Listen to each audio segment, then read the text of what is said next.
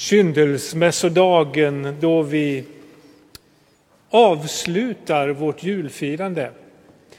Men eh, konsekvenserna av att Jesus föddes här mitt ibland oss, de finns kvar.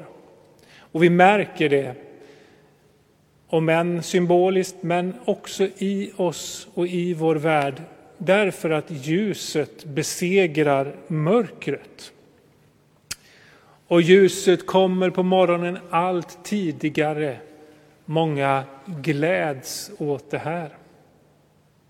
Visst är det mysigt med mörker? Ja, man får tända ljus och man kan mysa ordentligt.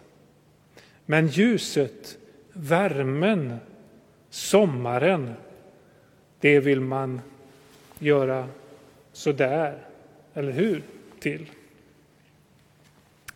Ljus är ju Guds vilja för oss. Snön, den reflekterar faktiskt 90 procent av ljuset och vi mår alltså bra av snö. Därför att då kan man också åka skidor. I Svenska Dagbladet så fanns det en krönika, ledare, om det här med intervallstarter kontra massstarter i längdåkningen. Istället för att köra själv så körs de flesta lopp nu med väldigt många i en stor hög och sen så avgörs det den sista minuten eller sista sekunden. Och det får konsekvenser. De gamla skidkungarna, de som kämpade för sig själva mot klockan och mot sin egen utsatthet, mot sin egen eh, kramp kanske, mot sin ensamhet. De är allt färre. Små hjält Vår tid är också fylld av små hjältar som snabbt försvinner ur strålkastarnas ljus och glöms bort. Däremot så minns man gamla skidhjältar, Savjalov, Wassberg och Mieto. Det var en helhet i dessa hjältar av psyke, av träning, av individuell förmåga som ledde till oförglömliga segrar. Men vi har en stor individuell hjälte. Egentligen den enda verkliga hjälten här mitt ibland oss. Och han är densamme igår och idag i evighet. Jesus, vår kung. Han får inte jämföras med mänskliga hjältar. Han får inte förminskas och bli till endast en god förebild. Han, Jesus, som offrat allt för segern över ondskan, för att ljuset ska segra över mörkret. En kung som hyllas av människor över hela världen och i evighet. Därför så är kyrkan, det vill säga hans kropp, vi och många, många mer, en värmekälla, inte bara en ljuskälla. Jesus är ljuset, han är världens ljus. Men kyrkan, hans kropp, får vara som en värmekälla. Och det är den för att den är karismatisk, bland annat. Den är andefylld. Den är fylld av att den helige Ande ger gåvor till oss människor. Symeon och Hanna i vårt evangelium idag, de är fyllda av Anden och det är därför som de känner igen Jesus. De har väntat och längtat och de har offrat mycket annat för att få se Jesus. Och fylld av anden leds Symeon till Jesus. Genom profetisk klarsyn, genom fasta och bön så prisar Hanna Gud. Och hon gör det när hon ser Jesus. Hur länge de än väntat så är det ändå inte förgäves att vänta på Jesus.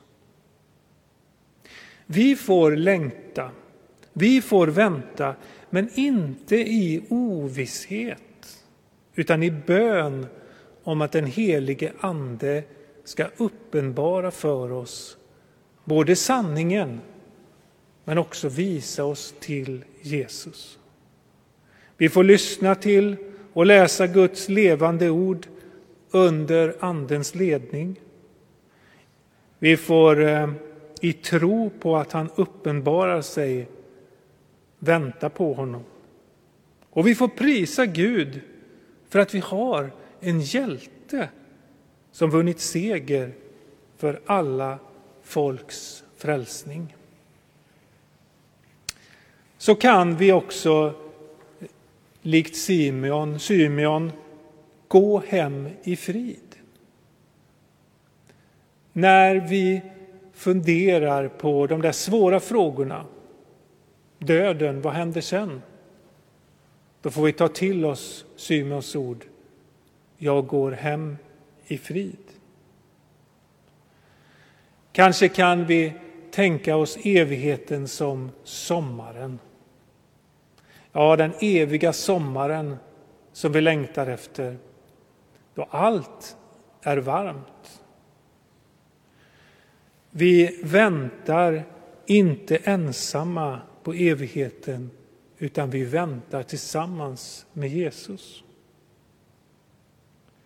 Guds helige Ande gör faktiskt hela skillnaden. Det är så många som var upptagna med annat och inte upptäckte att Jesus var där i templet. Det är så många som är upptagna av annat så man upptäcker inte var han är. Men eh, om vi blir medvetna om Andens kraft och den helige Ande, vad han kan göra i oss och med oss, då blir vi närvarande och då blir Jesus uppenbar för oss. Den helige Ande som svävade över vattnet i skapelsen, som skapade ordning ur kaos. Anden som fyllde jungfru Maria och gav oss Jesus. Anden som utgjuts över alla folk på pingstdagen. Anden som får fylla oss idag så att vi kan se Jesus.